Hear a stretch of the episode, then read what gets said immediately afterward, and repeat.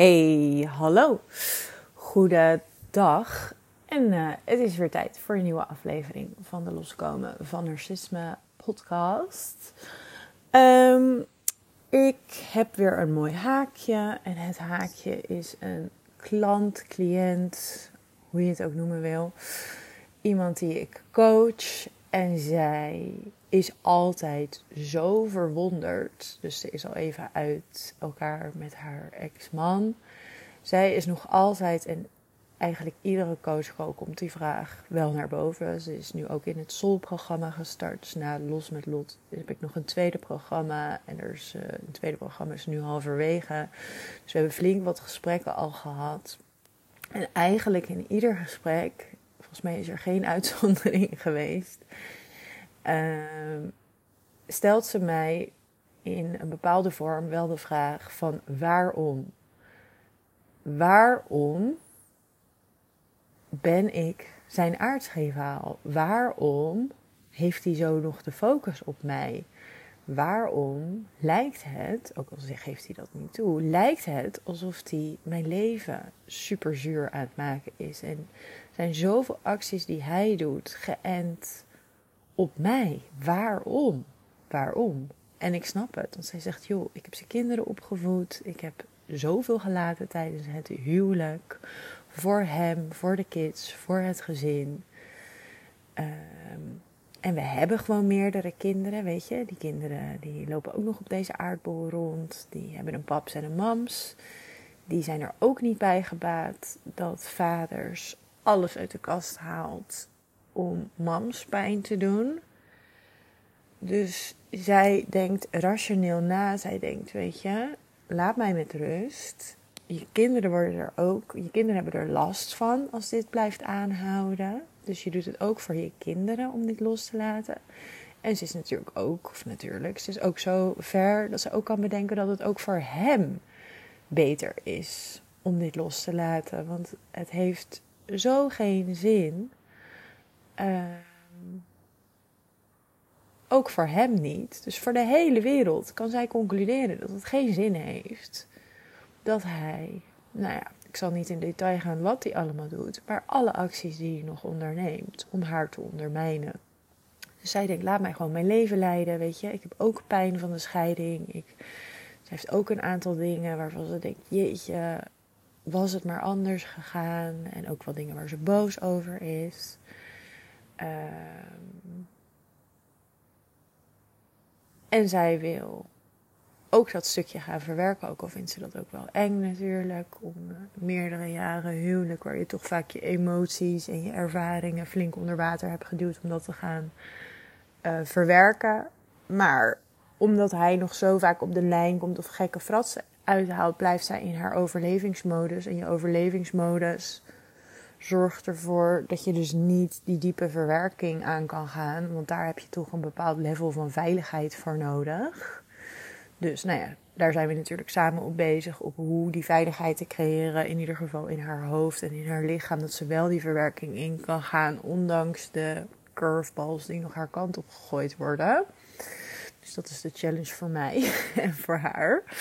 Dus daar zijn we goed mee bezig. Uh, maar daar wil ik het vandaag niet over hebben. Ik wil het hebben over de waarom-vraag. Waarom? Waarom is er in zijn hoofd een derde wereldoorlog? Waarom kan hij dit niet loslaten? En nou ja, dit is ook wel weer super mooi, want zij heeft ook een conclusie een tijdje gehad van dat zij het daardoor ook niet los kan laten. En uh, ja, het is mijn taak om altijd dingen te zeggen die waar zijn, maar die soms wel irritant zijn of pijn doen. Of dat je denkt, jeetje, Lot, waarom zeg je dit? en ik zei, en die is nu wel ingedaald bij haar, je hebt hem niet nodig om hem los te laten.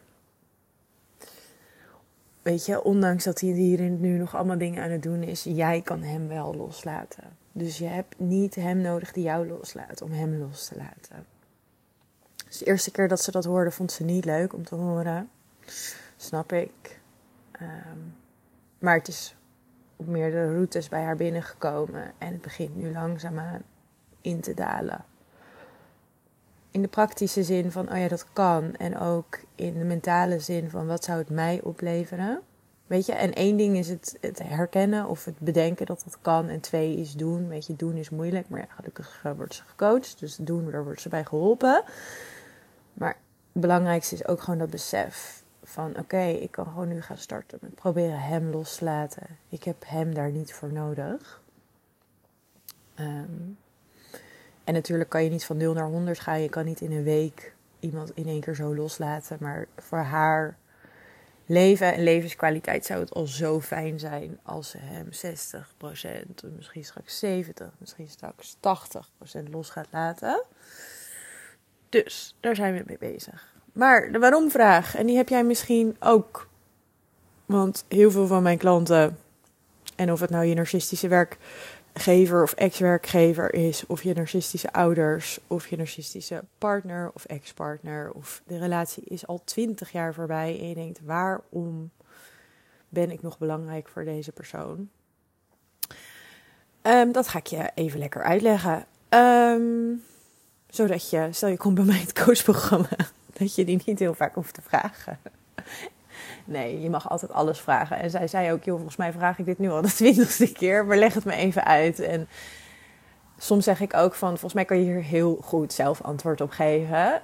En dat doe ik niet alleen bij haar, maar bij heel veel van mijn andere klanten. En dan is er even een pauze en dan gaan ze even nadenken. En dan komt het antwoord altijd eigenlijk zelf wel. Maar het is ook lekker soms om het uit iemand anders zijn of haar mond, mijn mond, dus te horen. Dus ik heb het ook een paar keer bij haar teruggelegd. Dus ik zeg, nou, lieve puntje, puntje, puntje. Wat denk jij? En dan is even stil en dan zegt ze... Ehm, omdat ik een bedreiging ben voor hem. Dat zei ze onder andere. Het zijn heel veel facetten hoor, maar dit is er één. Je bent een bedreiging. Nou ja, ik ga gewoon lekker inzoomen op deze cliënt, want uh, die is nu even top of mind bij mij.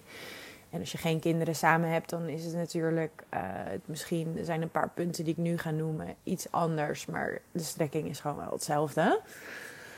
Um, of als het je ex-werkgever is, weet je, bedreiging, dat ben je dus sowieso.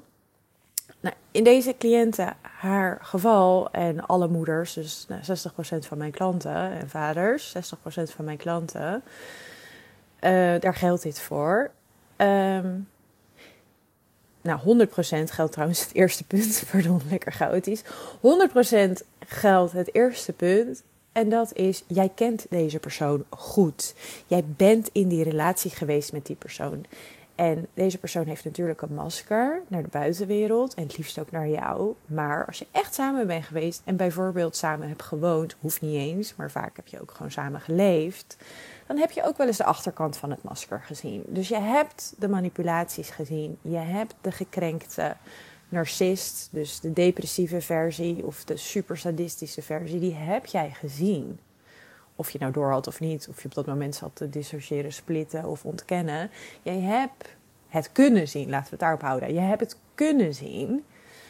Uh, en dat weet deze persoon met narcistische persoonlijkheidsstoornis ook. Dus de relatie kan wel voorbij gaan of het huwelijk. En dat komt vaak weer door totaal andere uh, facetten. Nou ja, vaak is het dat je dreigt erachter te komen dat deze persoon uh, echt manipulatief is. Of dat er een enorme leugen met geld of vreemd gaan of andere dingen, contact met andere mensen, is uh, naar boven gekomen. Of uh, ja, heel vaak is het 9 van de 10 keer als zo'n relatie beëindigd wordt, doordat je zo geprovoceerd wordt dat jij het eindigt, of doordat de persoon zelf plotsklaps het eindigt, is omdat jij tegen die 90 of 99 procent aanzit van dat je door gaat krijgen. En dat weet de narcist vaak sneller of eerder dan jij.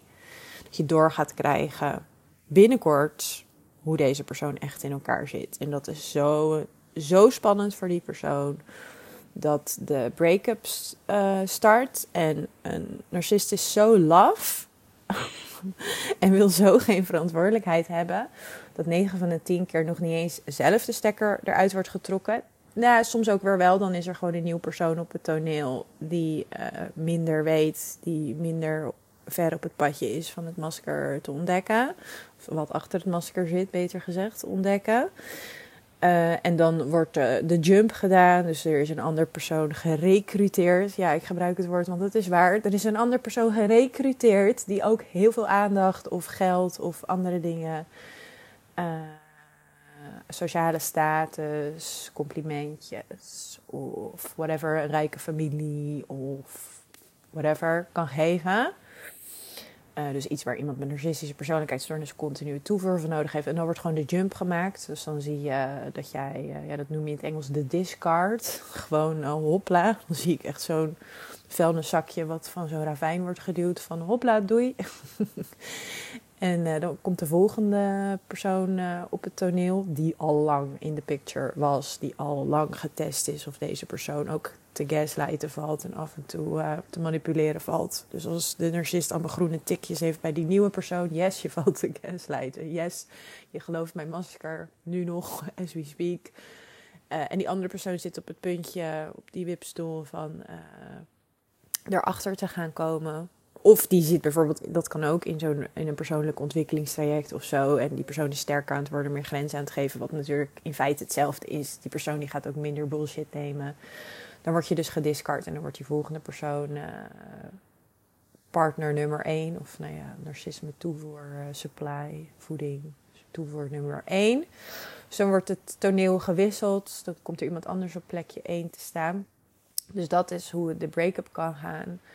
Of, en deze is denk ik eigenlijk nog heel veel vaker, omdat het natuurlijk de persoon met narcistische persoonlijkheidsstoornis is eigenlijk bijna altijd de, de, de boeman, als het niet altijd al zo is. Maar deze persoon wil nooit de boeman zijn voor de buitenwereld. Die doet er alles voor om nooit de boeman te zijn. Ook al is het in feite wel zo. Je zal bijna nooit aan de buitenkant één actie kunnen zien waar deze persoon echt de boeman is. Inclusief dus een break-up initiëren. Dus wat iemand met narcistische persoonlijkheidsstoornis doet, is jou zo zo jennen, irriteren, respectloos behandelen, niet op de lijn komen, enorme steken onder water doen, alles doen wat niet met liefde te maken heeft. Dat jij het gevoel krijgt echt grof vuil te zijn. Dat jij de persoon bent die uiteindelijk tot ja, zo ver uh, ja, uitgedroogd raakt. Zo uh, denkt, ja, gewoon, dit is gewoon, dit is zo'n enorme min in mijn leven. Dat loslaten gewoon echt gewoon inevitable wordt. En dan beëindig jij de relatie. En dan uh, nou, ben jij de persoon die de actie heeft genomen. En dan kan de narcist, die altijd held of slachtoffer wil zijn, lekker slachtoffer zijn, want jij hebt het uitgemaakt. En die heeft natuurlijk ook gewoon geen verantwoordelijkheid, geen controle dan, zogenaamd, hè, tussen haakjes. Geen verantwoordelijkheid of geen controle gehad in de break-up dus, oh ja, dat heb ik bij een andere klant wel eens gemerkt. Die wordt weer teruggehaald. Ik lach hierom, niet omdat ik mijn klanten uitlach, dat snap je zelf ook wel, maar omdat het gewoon zo absurd is. Plus omdat dit allemaal ook gewoon bij mij gebeurd is. Dus dan word je weer teruggehaald. Um, de hoovering noemen we dat op zijn Engels. Dus dan word je weer teruggehaald. Dus een andere klant van mij en die wordt door haar ex uh, gezegd: um, uh, Ja, maar jij hebt het uitgemaakt. Ja, dus, dan, dan wordt, ja, dus je wordt zo geprovoceerd dat je het uitmaakt en dan maak je het uit. En dan uh, stel, je gaat die tweede, die rotonde weer nog een keer op. Dan uh, wordt dit argument ook nog eens tegen je gebruikt. Van ja, maar jij hebt het uitgemaakt. Dus terwijl je eigenlijk gewoon echt geen andere optie had en dat je het uitmaakte vanwege de acties van de ander. Maar ja, inderdaad, het klopt wel, jij hebt het uitgemaakt. Dus dan, dat klopt. Oké, terug naar mijn andere klant die de waarom-vraag continu aan mij stelt. Um, en nogmaals, dit zeg ik met liefde. Hè? Ik ja, neem aan, als je weet een beetje hoe ik in elkaar zit, dat ik dit echt. Uh, ook de dingen waar ik om lach, ik doe alles met liefde. En als iemand mij honderd keer dezelfde vraag stelt, dan ga ik honderd keer, nou ja, niet honderd keer antwoord geven, dan ga ik ook vijftig keer zeggen: wat denk je zelf? Maar uh, ik geef met liefde het antwoord, omdat. En het het is ook heel logisch dat je die vragen heel vaak stelt. Of er zijn ook andere vragen die ik vaak krijg. Omdat je het gewoon niet kan geloven, niet kan snappen. Weet je, iedereen projecteert. Als je ook eerdere afleveringen van mijn uh, podcast luistert. Iedereen projecteert. Iedereen zijn eigen of haar eigen softwareprogramma of dikke vandalen. Of de manier waarop je in het leven staat. Dat projecteer je op anderen. Tenminste, dat doen heel veel mensen. Dus als je zelf nooit de vader of de moeder van je kinderen het leven zuurzaam maken, dan snap je gewoon echt niet hoe iemand ochtends wakker kan worden en kan denken: Nou, numero uno op de agenda is niet mijn werk, mijn kinderen, mijn nieuwe partner. Nee, het is het leven van mijn ex, terwijl we al zoveel jaar uit elkaar zijn, zuur maken. Je kan je dat niet voorstellen. En ik snap het. En ik ben blij voor jou als je je dat niet voor kan stellen. Want dat betekent dat het niet in jouw tekstboek zit. Dus ik snap 100%. En ik denk dat ik zelf ook. Ja, joh, ik heb zeker. Ik heb denk twee jaar uh, mogen studeren over narcisme. En ik heb ook alle feiten, denk ik wel, 500 keer moeten horen voordat het echt bij mij binnenkwam. Van ja, het zit echt zo dat ik echt, echt ook die shift kon maken. En dat noem je dan ook een soort van cathartische ervaring. Dat je echt je bewustzijn wordt een soort van verbreed. Het voelt voor mij alsof je dan vijf keer verbreed wordt. Dat je echt denkt, aha. Dat opeens het kwartje valt. Dat je echt denkt, oké.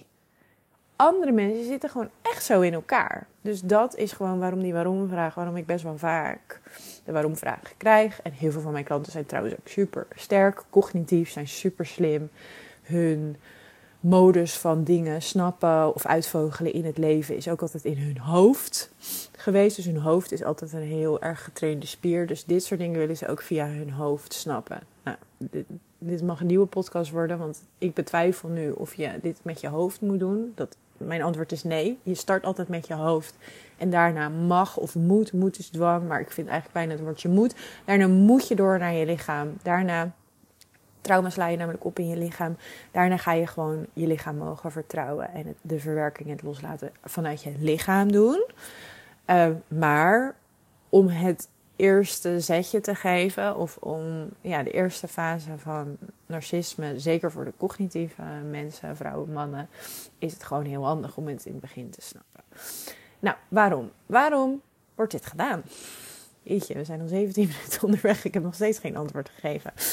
Waarom? Ja, ik heb een beetje antwoord gegeven. Een beetje het antwoord was omdat jij deze persoon dus al lang hebt gezien. Jij hebt in theorie de data, de um, feitjes, zou je kunnen terugrakelen, zeker uit je eigen geheugen. Je zou, je could connect dat, van dat deze persoon zeer manipulatief is, dat deze persoon 100% egocentrisch is, uh, en nou ja, alle feiten die deze persoon gedaan heeft, dat is natuurlijk per narcist anders. Maar deze financiële misser of dit uh, niet netjes doen of dit zeggen over persoon A of dit zeggen over persoon B of die twee mensen tegen elkaar uitgespeeld hebben of die wet overtreden of weet je, jij kan, jij weet dit allemaal. Dus omdat jij dit weet, en de relatie is voorbij. Dus je, weet je, en dat is dus ook nog zoiets. En dat weet iemand met narcisme dus wel. En dit is ook een hele harde binnenkomer vaak.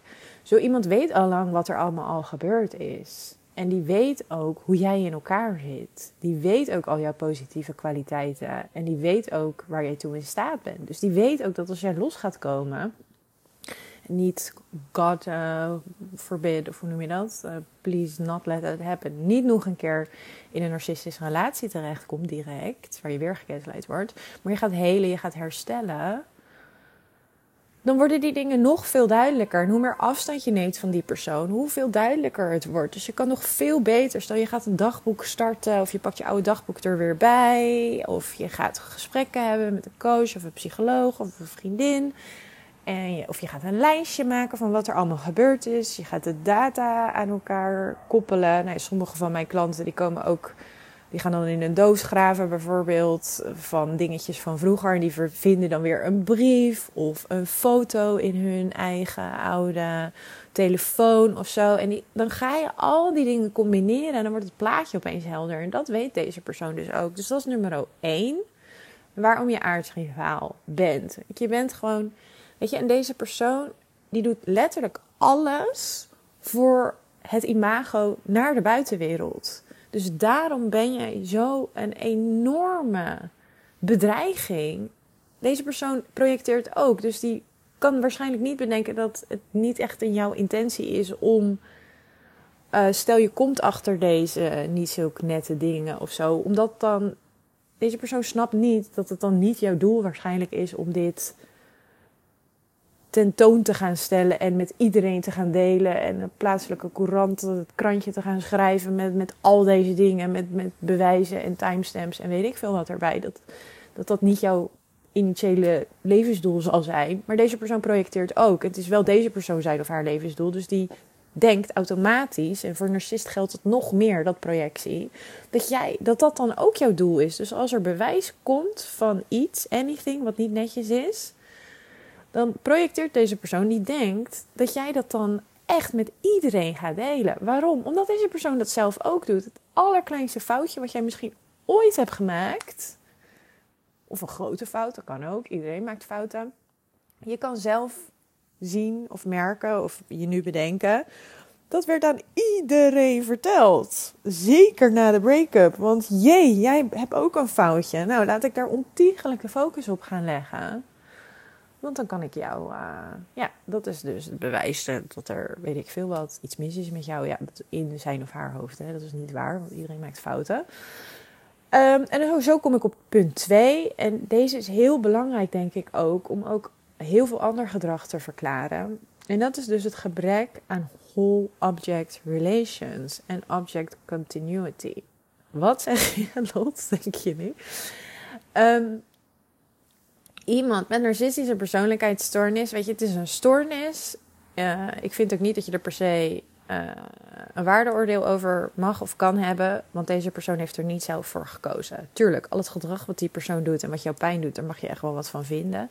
Maar aan de andere kant, het is een ontwikkelingsstoornis. Deze persoon heeft in de kinderjaren, de formatieve jaren, van 2 tot 8 zitten de formatieve jaren, heeft bepaalde dingen wel of niet meegemaakt. Vooral op het niet zit het ook, het niet meegemaakt van bijvoorbeeld het goed spiegelen van emoties. Grenzen heeft die persoon niet gekregen. Het woordje nee heeft die persoon misschien nooit gehoord. En wat heeft die persoon wel gehad? Misschien over, overindulgence, over veel uh, praise of cadeautjes of materiële dingen, buitenkant dingen. Die combinatie uh, heeft ervoor gezorgd dat het kind die interne wereld nooit heeft mogen ontwikkelen, de emotionele wereld nooit heeft mogen ontwikkelen.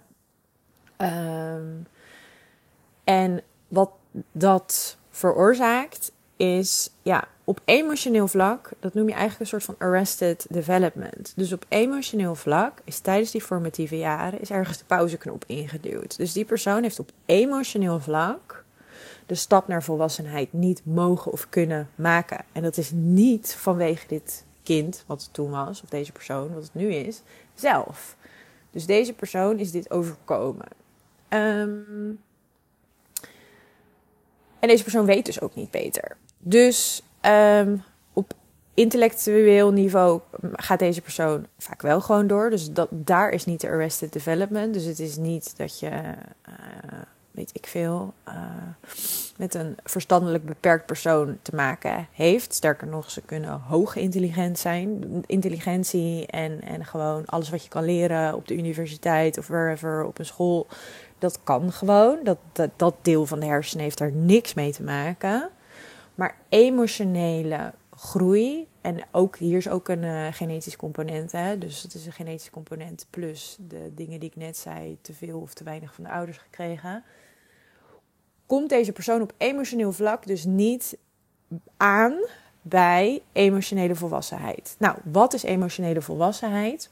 Onder andere het kunnen voelen van meerdere emoties tegelijk. Dus ik weet niet, als je zelf niet last hebt van deze persoonlijkheidsstoornis, dan kan je bijvoorbeeld tegelijkertijd jezelf blij, opgelucht, maar ook verdrietig voelen. Bijvoorbeeld. Ik weet het niet, misschien ben je ooit een keer gestopt met school of met een vriendschap die niet goed voor je was, maar ook wel mooie herinneringen had. Of school dat je denkt, jeetje, nou fijn, laatste tentamen gehad, maar ook wel weer jammer, ik ga mijn vrienden missen.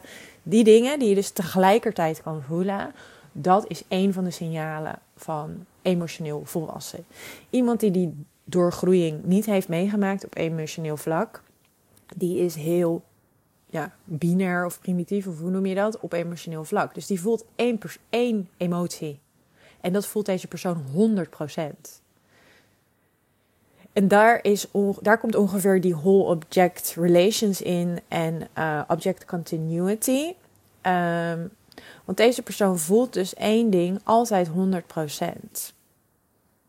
Uh, en dit heeft niet alleen met emoties te maken, ook met objects. Dus um, objects zijn mensen, maar ook een school, een vakantieland, een huis, weet ik veel wat. Een bank, een kleur, een, noem het. Um, deze persoon ziet alles heel zwart-wit. Dus deze persoon, dat is nog een volgende. Zwart-wit denken is dus ook een van de kenmerken van narcisme. Maar dat komt dus door het gebrek aan whole object relations. Hm? Je snapt hem nu nog steeds niet waarschijnlijk. Oké, we gaan weer even naar de persoon die wel die doorgroeiing naar emotionele volwassenheid heeft doorgemaakt. Als jij die doorgroeiing helemaal hebt doorgemaakt, dan kan jij jezelf verhouden tot objecten als een geheel. Dus jij hebt wel whole object relations. Wat houdt dat in? Bijvoorbeeld, um, even denken. Mijn hond ligt nu naast me, dus ik neem haar als voorbeeld. Um, mijn hond, I love her. Ze is fantastisch. Ze is echt heel leuk. Ze is lief. Ze luistert in de regel heel goed. Maar, maar ze is vet ondeugend. Volgens mij zit er ook beagle-rassen in haar. Nee, ik weet niet of je een beagle kent, maar dat is echt super ondeugend. Um, dus soms luistert ze niet. Dus soms loop ik door het park. En zeker als ik zelf hangry ben of weinig gegeten heb. En ik denk, jeetje, ik moet die hond nog even uitlaten. En we zijn door, door het park aan het lopen. Ik heb zelf nog niet gegeten. En zij uh, luistert opeens niet. Nou, dan kan ik echt super zagrijnig worden en super boos. Maar gelukkig heb ik whole object relations. Meestal. Of ik moet heel angry zijn. Nee, geintje. Ik heb, nou ja, ik kan wel eens heel boos worden op Do. Maar um, ik heb whole object relations. Dus um, ik kan bedenken dat Do dat ik, ik hou wel van Do. Ik heb het beste met haar voor. Ze is niet in en in slecht. Ze luistert soms gewoon niet goed. En ik kan ook nog eens, maar dat is niet whole object relations, maar dat is ook nog eens over hangry bijvoorbeeld. Ik kan ook nog inchecken met mezelf. Dat kan iemand met narcistische persoonlijkheidsstoornis trouwens ook niet. Ik kan bijvoorbeeld in dat hangry geval ook nog inchecken met mezelf. Oké, ik ben nu hangry, dus haar slechte gedrag wordt nog eens keer tien gedaan. Of ik heb veel minder bandbreedte om nu uh, met haar ondeugendheid om te gaan, dat ze niet luistert. Dus iemand met whole object relations uh, ik dus in dat geval, zeker als ik niet angry ben, kan bedenken: um, het is een lieve hond. Uh, ze, uh, dit is ook maar haar programma. ze is ook zwerfhondje geweest de eerste zes maanden van haar leven. Dus ze is erg individualistisch en erg gefocust op eten. Dus als er ergens een hamburgertje ligt in de hoek in Amsterdam, dan kan ik er ongeveer van uitgaan dat ze niet luistert totdat ze dat hamburgertje heeft opgegeten en dan luistert ze weer. Um, dus ik kan dan wel nog steeds bedenken: Do is niet in en in een duivel en ze luistert nooit en ik haat haar en whatever. Um, nee, ik weet, en daar komt ook uh, object continuity in, zij. Um, ze heeft nog veel meer facetten tot haar dan alleen dat niet luisteren. En iemand met geen whole object relations, die is dus niet in staat om op een moment in de tijd naar een bepaald karaktertrek van een persoon bijvoorbeeld te kijken. Of naar een fout in, maar het kan ook in een huis zijn hè? of in een um, anything. Dus als die persoon die dus niet goed is in whole of niet kan, whole object relations, als die persoon een fout ziet, ehm, dan wordt dat een soort van uitgespreid over dat hele object, object heen. Dus in het geval van Do is het niet, ze luistert nu even niet, maar morgen weer wel.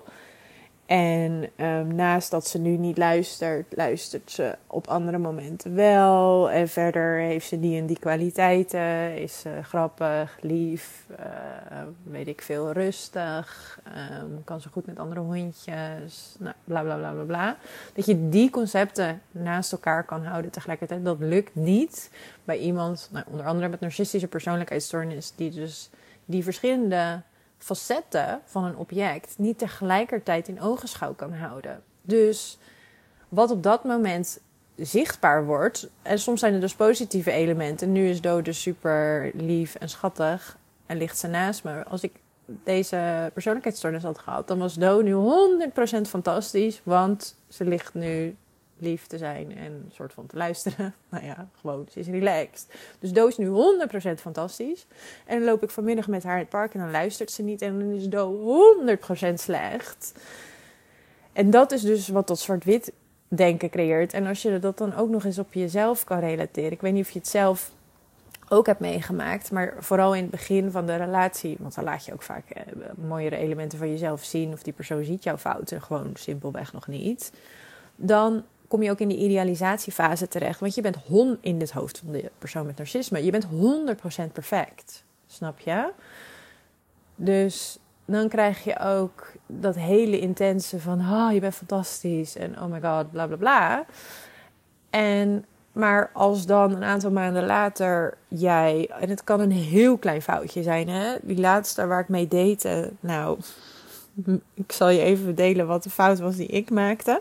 Ik had een keer gezegd dat ik door de week uh, geen vlees at of kocht. Of bijna niet. Ik, ik weet oprecht niet meer wat ik zei. En hij kwam naar me toe, een tijdje later, en hij zei: Hij keek me echt aan alsof ik echt, nou, alsof ik iemand vermoord had. Ja, ja, ik vind het echt niet kunnen dat je dat hebt gezegd, want ik heb jou een keer op woensdag leverworst zien kopen. maar het hoofd wat hij daarbij trok en gewoon de, de teleurstelling en gewoon echt alsof ik in en in slecht was. En bijna alsof ik mezelf moest gaan verdedigen hiervoor. Nee, gelukkig heb ik hem glazig aangekeken en mijn wenkbrauwen een beetje omhoog getrokken. En echt, let's go on to the next subject gedaan. Want dit, hier ga ik gewoon niet serieus op in. Maar um, dat was gewoon van. Dus dit in zijn boekje. Deze persoon was super hypocriet. Sorry to say it. Maar in zijn boekje was ik dus ook even hypocriet. Um, en tuurlijk, als je zegt, ik koop nooit vlees door de week en je koopt op woensdag een leverworst, ja, dat klopt ook niet. Maar ik denk ook niet dat ik het woord nooit heb gebruikt, want ik gebruik het woord nooit, nooit. Oké, dat moet ik niet zeggen. ik gebruik het woord nooit, niet vaak. Oké, daar gaat de hypocrisie alweer. Um, maar um,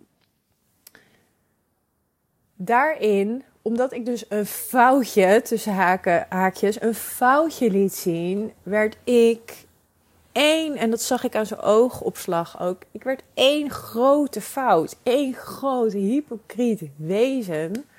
Terwijl, als hij alle andere gegevens die hij tot op dat moment van mij wist, er ook bij had gepakt, dan wist hij dat mijn hypocrisie-level best wel laag is. Tuurlijk, ik doe ook wel eens dingen dat ik A zeg en B doe. Ja, uh, er is geen mens op deze wereld die dat nog nooit heeft gedaan, denk ik.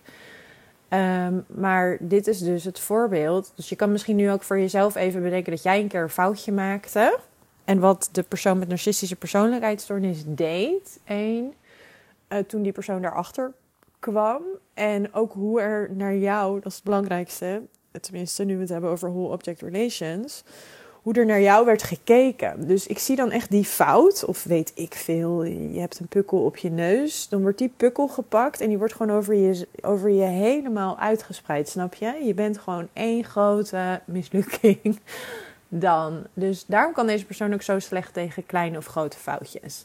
En dit, oh my god, dit, vind ik al, dit vond ik ook zo'n eye-opener toen ik dit voor de eerste keer hoorde whole object relations geldt natuurlijk niet alleen voor andere personen, maar ook voor iemand met narcisme zelf.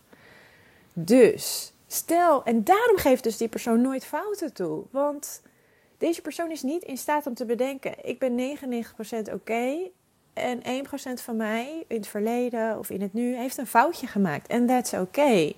Want dat zou, dan zou je whole object relations moeten hebben. Dan zou je dus de capacity moeten hebben om die 99% als een soort ja, taart, zie ik het over, als een soort taart te zien met zo'n 1% puntje erin. Dan moet je in staat zijn om dat maar te zien. Dat als een taart van verschillende elementen. Dus je bent, uh, weet ik veel, zoveel procent ben je goed en zoveel procent ben je, maak je misschien foutjes. En er is ook een groot gedeelte neutraal, hoop ik voor je. Dus die taart valt voor zo iemand niet te zien. Niet voor hem of haarzelf en niet voor de andere wereld. Nee, dingetje waar op dat moment de focus op wordt, dat wordt die 100% taart in één keer. Dus dat is dus de reden, you're very, very welcome. Dat is de reden waarom iemand met narcistische persoonlijkheidsstoornis nooit een fout zal toegeven. En ook om antwoord te geven op mijn klant. En dan is de cirkel rond wat betreft deze aflevering. Want deze klant van mij vroeg ook altijd. Uh, waarom is hij tegen beter weten in zijn fouten aan het verdoezelen? Terwijl hij zeker kan weten als we over de lange termijn dit gaan uitspelen, dat het naar boven gaat komen. Dat is dus omdat hij ook niet op lange termijn kan denken, maar ook niet kan bedenken. Of het niet in het nu durft of kan toegeven. Weet je, en soms zijn het ook niet eens mega grote dingen. Dat je denkt, ja, je mag deze fout. Weet je, tuurlijk, het is misschien niet netjes of niet iets om trots op te zijn. Maar iedereen komt hier wel overheen. Maar deze persoon heeft dat, die capaciteit niet om daarover na te denken op die manier. Dus die persoon kan gewoon niet hier in het nu, grote fouten, kleine fouten, dat maakt niet uit. Echt, ik heb ook de gekste voorbeelden uit mijn eigen ervaring van echt mini-mini kleine foutjes, waar dan een enorm grote discussie om ontstaat. En dat ik denk, ik heb het bewijs. Het is maar een klein foutje. Je mag dit gewoon toegeven. Het zou voor mij echt een bliep op de radar zijn. Maar ja, dat ik gewoon echt verbouwereerd was dat iemand dat dan niet toegaf. Ehm, en dat het gewoon bijna grappig werd. Dat ik dacht, ja, weet je, wat voor fratsen ben jij nu aan het uithalen om te ontkennen dat dit is gebeurd? Weet je, ik hoef mijn telefoon maar te openen en I have proof. Maar laten we doorgaan met deze discussie. maar ehm, ja, dus dat is het antwoord waarom iemand die dus de uh, doorgang naar emotionele volwassenheid en dus conceptueel eigenlijk ook een beetje volwassenheid niet heeft doorgemaakt. Omdat die whole object relations en die object continuity gewoon niet bestaat. En object continuity is ook een onderdeel van antwoord op een, op een vraag van precies deze klant. En zij uh, snapt dus niet waarom zij na zo extreem veel goede jaren, tussen haakjes, maar best wel goede jaren hebben gehad. En dat zij alles heeft gedaan voor hem ook. Dat ze nu een beetje of veel voor haarzelf kiest, maar dat dat gewoon nog steeds in schraal contrast staat met wat er allemaal wel is gedaan door haar voor hem. Dat is dus dat gebrek aan object continuity. Hij is niet in staat om te bedenken, ja, maar 18 jaar heeft ze alles gedaan en gelaten en nu één of twee jaar niet meer. En hij ziet alleen die één of twee jaar dat ze nu voor haarzelf kiest. Dus in zijn hoofd. En dus dit is ook niet goed of slecht, hè? Dit is gewoon letterlijk de bril waardoor iemand kijkt.